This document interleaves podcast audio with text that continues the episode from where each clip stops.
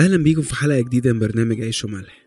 كنا بنقرأ آخر مرة في إصحاح 25 وحكينا قصة موت إبراهيم ودفنه والحاجات اللي عملها قبل ما يموت وإزاي إنه إسماعيل جه ودفن أبوه مع إسحاق وإزاي إن ده كان دليل إنه ربنا رغم إنه وافق في يوم من الأيام إنه إبراهيم يطرد إسماعيل وهاجر بس هو قدر يخلق مصالحة ما بينهم وبارك إسماعيل جدا بعد كده. النص التاني بتاع إصحاح 25 بيحكي قصة تانية معظمنا يعرفها هي قصة ولادة يعقوب وعيسو. نقرأ مع بعض تكوين 25 آية 19 وهذه موليد إسحاق ابن إبراهيم ولد إبراهيم إسحاق وكان إسحاق ابن أربعين سنة لما اتخذ لنفسه زوجة رفقة بنت بتوئيل الأرامي أخت لابان الأرامي من فدان أرام وصلى إسحاق إلى الرب لأجل امرأته لأنها كانت عاقرا فاستجاب له الرب فحبلت رفقة امرأته. الكتاب بيحكي قصة بتاعة جواز إسحاق تاني إن هو إزاي إن هو راح اتجوز رفقة وجابها مخصوص من من البلد بتاعة أهل إبراهيم لأن هو ما كانش عايز إنه ابنه يتجوز من الكنعانيات اللي هما دايما بيرمزوا للشر في الوقت ده. بس بالرغم إنه إنه ربنا هو اللي كان باعت رفقة ولو رجعنا لقصة الجوازة هنعرف إزاي ان ربنا اشتغل مع اليعازر الدمشقي اللي هو كان بيشتغل عند إبراهيم وهو اللي راح جاب رفقة من البلد بتاعتها. بس هنلاقي إن ربنا حط إسحاق في نفس التجربة بتاعت أبوه إنه رفقة مراته اللي بيحبها ما بتخلفش يقول لنا ان هو اتجوز عنده 40 سنة وقعد 20 سنة ما بيخلفش. بس هنلاقي هنا إنه إسحاق اتعلم من غلطة أبوه وما فكرش بدماغه وراح اتجوز واحدة تانية عشان يبقى له ابن من نسله. لا صدق قوي في إنه ربنا هو اللي كان باعت رفقة وفضل مصمم إن رفقة هي اللي تجيب له الابن. فيقول لنا إن إسحاق صلى لربنا عشان رفقة فجابت رفقة ابن. ويمكن حتى لو ما كانش ربنا استجاب إسحاق ما كانش هيعمل حاجة. لأنه خلاص فهم وعد ربنا. لو ربنا عايز لي ابن هيجيبهولي من أي حد. ولو مش عايز لي ابن تبقى دي إرادته. فربنا كان رايد ابن الإسحاق. بس كتير قوي عشان ربنا بيبقى حابب يوضح لنا قوي إن الحاجة دي من عنده ممكن يأخرها علينا. عشان ما تبقاش حاجة طبيعية أو ممكن تحصل عادي. لا يبان قوي إنها جاية من عند ربنا. فالحاجة دي في الآخر تبقى لربنا. راديو ملاحة نكمل مع بعض. آية 22 وتزاحم الولدان في بطنها في بطن رفقة يعني. فقالت إن كان هكذا فلماذا أنا؟ فمضت لتسأل الرب. فقال لها الرب في بطنك أمتان ومن أحشائك يفترق شعبان شعب يقوى على شعب وكبير يستعبد لصغير. واضح من الكلام إن رفقة تعبت قوي في الحمل بتاعها. زيادة كمان عن أي تعب عادي لدرجة إنها راحت تسأل ربنا عن الألم ده. ودي حاجة حلوة قوي لازم ناخد بالنا منها. إننا لما نلاقي نفسنا محطوطين تحت ألم غير طبيعي بيبقى دايما ربنا عايز يقول لنا حاجة. فبيبقى مستنينا إن إحنا نروح ونسأله يا رب الألم ده أنت تقدر تشيله؟ فأكيد أنت عايز تعلمني حاجة من وراه. وده اللي سألته رفقة إن كان هكذا فلماذا أنا؟ رفقة هنا على فكرة ما كانتش معترضة على حكم ربنا وعلى إن هو إزاي بعت لها ألم مع إن هو اللي بعت لها أصلا ال- الولدين دول بعد بعد صبر كتير وصلاة كتير. طب طب ليه رب يعني ليه بتعمل كده؟ وفي حاجة حاجة غلط حصلت أو أو لو هما ممكن مثلا من كتر الصراع اللي بينهم ده إن هما ي... إن هما ممكن ال- الولاد تموت. فطب طب ما كان ليه من الأول؟ يعني فهمني رب أنت عايز إيه من التجربة دي؟ وعلى فكرة ربنا دايما بيجاوب كتير قوي بنفتكر إن هو السيستم بتاع ربنا إن هو يحطنا في أي ألم عشوائي عشان خاطر يجرب الصبر معاه والإيمان بيه بدون وجود أي هدف أو فكرة. من الألم ده. ودي حاجة عمرها ما بتحصل مع ربنا هنلاقيها في خلال الكتاب برضو كله إنه أي ألم حصل وحد بيروح يسأل عليه هتلاقي ربنا بيجاوبه. ممكن ما يشيلش الألم بس هيحل له المشكلة قديس بولس الرسول بالرغم إن هو كان بيشفي مرضى وبيقوم موتى كان عنده زي شوكة في جسده غالبا في ظهره وكانت بتتعبه جدا جدا وكانت غالبا بتنزل كمان آه، زي صديد أو حاجة كده والمناديل أو الفوط اللي كانوا بينشفوا بيها الصديد ده كانت بتشفي مرضى. بس رغم كده المرض بتاعه هو ما راحش. فصلى ربنا كذا مرة للموضوع ده عشان ربنا يشيل الألم. بس ربنا قال له لا معلش تكفيك نعمتي لأن قوتي في الضعف تكمل. ففهم بقى بولس إن ربنا سايب له الألم ده عشان دايما يحس إنه ضعيف عشان ما يجيلوش وقت يتغر. وفي الآية اللي قبلها كان بيقول ولئلا ارتفع بفرط الإعلانات. فربنا مرضاش يشيل الألم ده عشان قال له لا كفاية يعني أنت واخد نعمة كبيرة قوي. وتأكد إن أنا سايب لك الحاجة دي لمصلحتك. وبيقتنع بولس وبيتعزى جدا وما بيطلبش في الموضوع ده تاني. في حالة رفقة بقى ربنا فهمها إيه المشكلة. قال لها إن اللي بيحصل ده إشارة للصراع اللي هيحصل ما بين الولدين دول والأمة اللي هتطلع من ده والأمة اللي هتطلع من ده. وبعد كده هنشوف إنها إشارة للبشرية بحالها. وهو الصراع اللي داير دايما ما بين الخير والشر. وما بين الناس اللي ليهم حق أو ليهم أولوية إن هم ياخدوا أي حاجة من ربنا والناس اللي ملهمش حق ولا أولوية وبياخدوا كل حاجة من ربنا.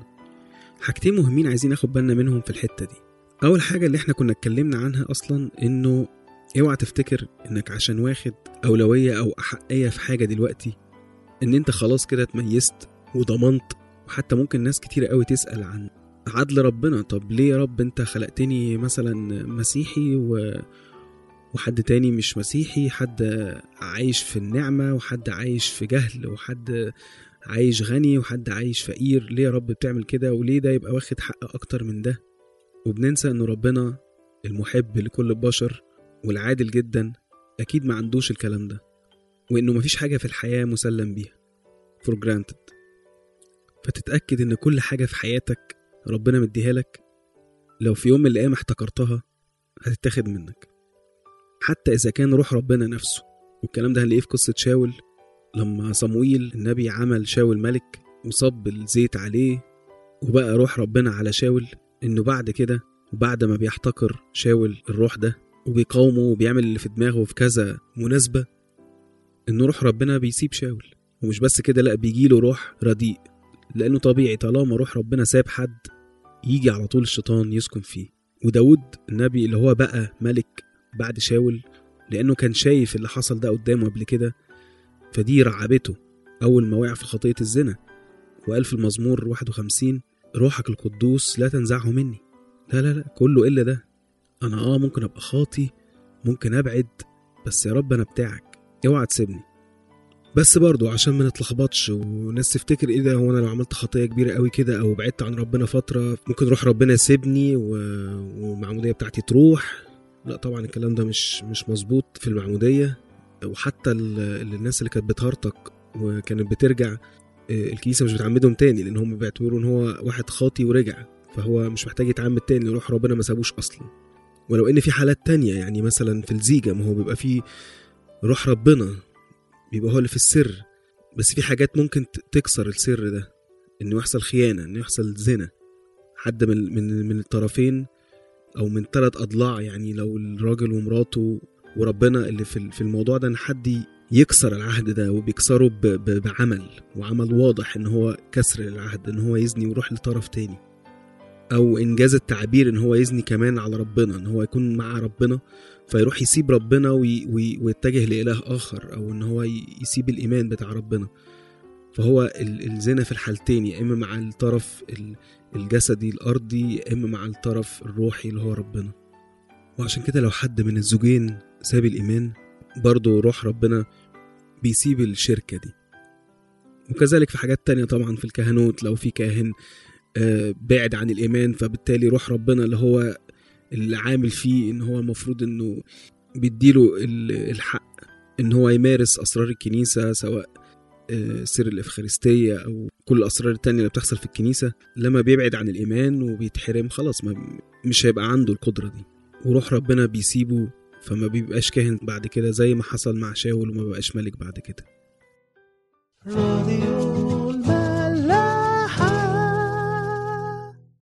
الحاجة التانية بقى اللي الناس كتير قوي بتسأل فيها هي فكرة إحنا مسيرين ولا مخيرين؟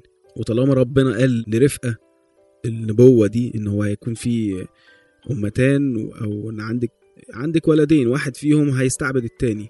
طب عيسو ذنبه إيه؟ في اللي هيحصل بعد كده وربنا أكيد هو اللي حاطط الخطة دي. فمفيش مهرب كده لعيسو. وهنلاقي بولس الرسول متكلم عن الموضوع ده في رسالة روميا اصحاح تسعة. إزاي إنه كان متألم عشان إخواته إسرائيليين اليهود اللي هم ليهم الأولوية في المسيح محرومين منه. وبعد كده بيقعد يتأمل أكتر في الموضوع ده وإزاي اللي بيبقى ابن ربنا وبيرث الملكوت مش شرط إن هو يكون ابن إبراهيم بالجسد اللي هم الإسرائيليين وفي حالتنا دلوقتي ما هماش بالضرورة ولاد الكنيسة بالجسد ولا حتى بالأعمال. فممكن هنلاقي كتير قوي ناس كانت بتعمل أعمال كتير قوي وصعبة قوي ولحد دلوقتي من اليهود أو الغير مسيحيين بس مش بيحسبوا برضه ولاد ربنا لأن أعمالهم دي مش مبنية على الإيمان بالمسيح وإن هو المخلص بتاعنا. لا مبنية على إنه الأعمال دي زي هتثبت ربنا وهتخليه لازم إن هو يختاره. فهو عند ربنا ولا بيهمه أنت مولود فين ولا بكم الأعمال اللي بتعملها. لا كل حاجة معتمدة على رحمة ربنا لأن إحنا مهما عملنا مش ممكن هنيجي حاجة في القداسة بتاعت ربنا. كأننا لو قسنا الأعمال مثلا بتاعت واحد طبيعي مننا وافترضنا مثلا إنها قد المسافة ما بين القاهرة وأسوان وبعدين جينا قارناها بقى لحد من القديسين العظام قوي وقلنا دي تبقى بقى زي المسافة ما بين القاهرة وأمريكا نيويورك. وبعدين تيجي تقارن المسافتين دول مثلا ما بين الأرض والشمس. مش هتفرق في حاجة. الاتنين لو اتقارنوا بالمسافة دي هيبقوا كأنهم صفر. وده اللي بيفرق بعد كده بقى ما بين الأعمال اللي بدون إيمان واللي هي ملهاش قيمة لأنها مش هتفرق حاجة. زي الفريسيين اللي كانوا عايشين أيام المسيح مثلا والأعمال اللي هي مبنية على الإيمان بالمسيح. واللي هي بتبقى رد فعل طبيعي طالما استوعبت إنه المسيح ده أبويا وإن أنا عايز أتبعه وإن هو الوحيد اللي هيخلصني فبعمل كل الأعمال اللي بتدل على الإيمان ده. راديو ملاح. وبعدين بيكمل بولس بقى ويحط مشكلة أكبر بقى وهي النبوة اللي قالها ربنا الرفقة إنه الكبير يستعبد للصغير وإزاي إن ربنا اختار يعقوب وحبه وما حبش عيسو من قبل ما يعملوا أي حاجة أصلا. طيب إحنا هنحاول نوضح الفكرة دي ببساطة عشان هو موضوع كبير قوي وممكن ياخد ساعات من الم- المناقشات والجدل. وحتى القديس بولس الرسول هنا هتلاقيه إن هو بيتكلم وعمال بيحاول إن هو يوضح وجهة نظره لحد باقي الإصحاح. فإحنا هنحاول نشرح اللي, اللي بولس كان بيقوله هنا ونربطه بحاجات تانية في الإنجيل. هنلاقي إن هو كأنه بيقول إن أنت عندك حلين. أول حل أنت تفترض إن ربنا اللي بيرحم من يشاء ويقصي من يشاء. على فكرة دي آية دي آية 18 في اصحاح 9 في رسالة بولس الرسول لأهل روميا. فتقول يا رب طب خلاص امال إحنا بنتلام ليه بقى بعد كده؟ مين هيقدر يقاوم مشيئة ربنا؟ فبيقول لنا بقى بولس حاجة مهمة قوي. بيقول لا بقى لو أنت هتفترض إن ربنا ظالم وهتبتدي تسأله هيقول لك لا أنت مين أصلا عشان تسأل ربنا حاجة زي كده؟ ما هو ظالم بقى ومفتري. إزاي هتتناقش مع واحد وهو كده؟ وكأن أي إناء بيسأل الصانع بتاعه أنت عملت لي إناء كويس ليه؟ وعملت لي إناء وحش ليه؟ وطالما أنت اللي بترحم ناس وبتقسي قلوب ناس تانية فأنت بقى اللي مسؤول عن أي مشكلة بتحصل. وهنلاقي الفكرة دي مطروحة برضو في في المثل بتاع الوزنات لما لما إدى الواحد خمس وزنات وجاب له خمسة وإدى الواحد اتنين فجاب له اتنين زيهم وإدى الواحد وزنة واحدة فراح خدها ودفنها ما عملش بيها حاجة وبعدين جه سأله عليها فقال له أنت أنا عرفت إن أنت راجل ظالم ومفتري فأنا ما عملتش بالوزنة دي حاجة. آه، ودفنتها وهي زي ما هي اهي. فقال له ماشي طالما انت يعني عرفت ان أنا ظالم ومفتري كنت على الأقل خدت الحاجة دي و... وحطيتها عند الصيرفة يعني شغلتها في حاجة وحشة والحاجة دي تجيب لك مكسب. وكأنه بيشبه أي حد ممكن يكون واخد نعمة من ربنا أو واخد فرصة إن هو يشتغل مع ربنا ويقول لأ ربنا ده ظالم وأنا الحاجة دي بقى مش هعمل بيها حاجة أصلا وخلاص. مع إنك لو شايف إن ربنا فعلا بيظلم ناس وإن الناس دي المفروض إن هو إن هم يكونوا ولاده وإن هم إن هو ليه ما اختارهمش. وأنت عندك الفرصة إن أنت تكون معاه. بس يقول لأ طب يعني إشمعنى دول يعني ما اختارهمش؟ فأنا كمان هرمي بقى الفرصة اللي عندي دي. وهقول أنا مش عايز الفرصة دي أصلا خلاص. مع إن أنا لو اتعاملت مع ربنا وعرفته كويس وبقيت منقاد بروح ربنا اولا هعرف إن هو مش ممكن يكون ظالم. وزي ما ما بولس كان بيقول فماذا نقول؟ لعل عند الله ظلما حاشا.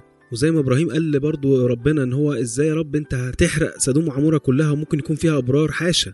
ده مش أنت يا رب حشاك ودول الناس اللي ربنا بيكشف لهم بقى عن ذاته فعلا اللي هم بيروحوا لربنا بالطفولة الروحية دي. إنه لا لا مش ممكن أبويا يعمل كده. مهما قلت ومهما عرفت مهما فكرت. بس لا ده أبويا. وممكن بمثل بسيط نفهم اللي كان بولس بيتكلم عليه. تخيل معايا إن أنت مدرس في فصل وعملت امتحان وهتقابل كذا حالة. أول حالة إن واحد يقول لك لا الامتحان ده صعب والراجل ده مفتري ومش هيدينا أي درجات فمش هروح الامتحان أصلا. وده زي الأخ اللي خد الوزنة ودفنها وما عملش بيها حاجة. وحالة تانية لناس متشطرة قوي وما بتحاولش تفهم قوي المدرس بيقول إيه بس هو خد الكتاب وصمه وراح دشه زي ما هو. وفاكر إن هو بالفهلاوه دي هيقدر ينجح. وده زي اليهود أو أي حد بيبقى معتمد على أعماله بدون أي فهم. وحالة ثالثه العكس تماما. قال لك لا الموضوع مش حفظ. الموضوع لازم إن إحنا نفهم ونستوعب عشان نعرف نجاوب. وبعدين ما عملش حاجة. ولا حاول يذاكر ولا حاول يسأل المدرس بتاعه في أي حاجة. وساب الورقة فاضية. وده زي الناس اللي كان بيتكلم عليهم يعقوب الرسول إن هو إيمان بدون أعمال ميت. ويقول إن هم الشياطين نفسهم مأمنين بربنا وعارفين إن هو موجود وبيقشعرون كمان خافوا منه. بس ما عندهمش أعمال. والحالة الرابعة اللي هي حالة الطالب البسيط اللي نفسه يفهم ومهما كان بطيء الفهم. فالمدرس هيفضل معاه ويفهمه. لحد ما ينجح ومش بس ينجح لا ده يجيب أعلى درجات. فإذا كان المدرس ده بقى اللي بيتعامل مع طلبة كام ساعة في اليوم وشايفهم من بره بس بيبقى عارف كويس قوي كل واحد فيهم هيعمل إيه. أمال ربنا اللي خالق كل واحد فينا مش هيبقى عارف كل حاجة من قبل حتى ما نتولد. لو عايز تفهم ربنا وتفهم حكمته مش هينفع تعمل كده وأنت متكبر أو بتعامله كظالم عشان الظالم مش ممكن هيرد عليك. أيوب وهو كان راجل بار جدا وبعدين ربنا سمح إن هو يتجرب اتجرب تجارب صعبة قوي وفضل صابر كتير قوي لحد ما صبره نفذ. ابتدى يقول ربنا ليه يا رب أنت بتعمل فيا كده؟ وأنا وأنا ما استاهلش اللي بيحصل ده ويا ريتني ما كنت اتولدت. وكلام من ده كتير. وبعدين ربنا يكلمه كلام شديد قوي ويقول له ربنا هل يخاصم القدير موبخه؟ أم المحاج الله يجاوبه؟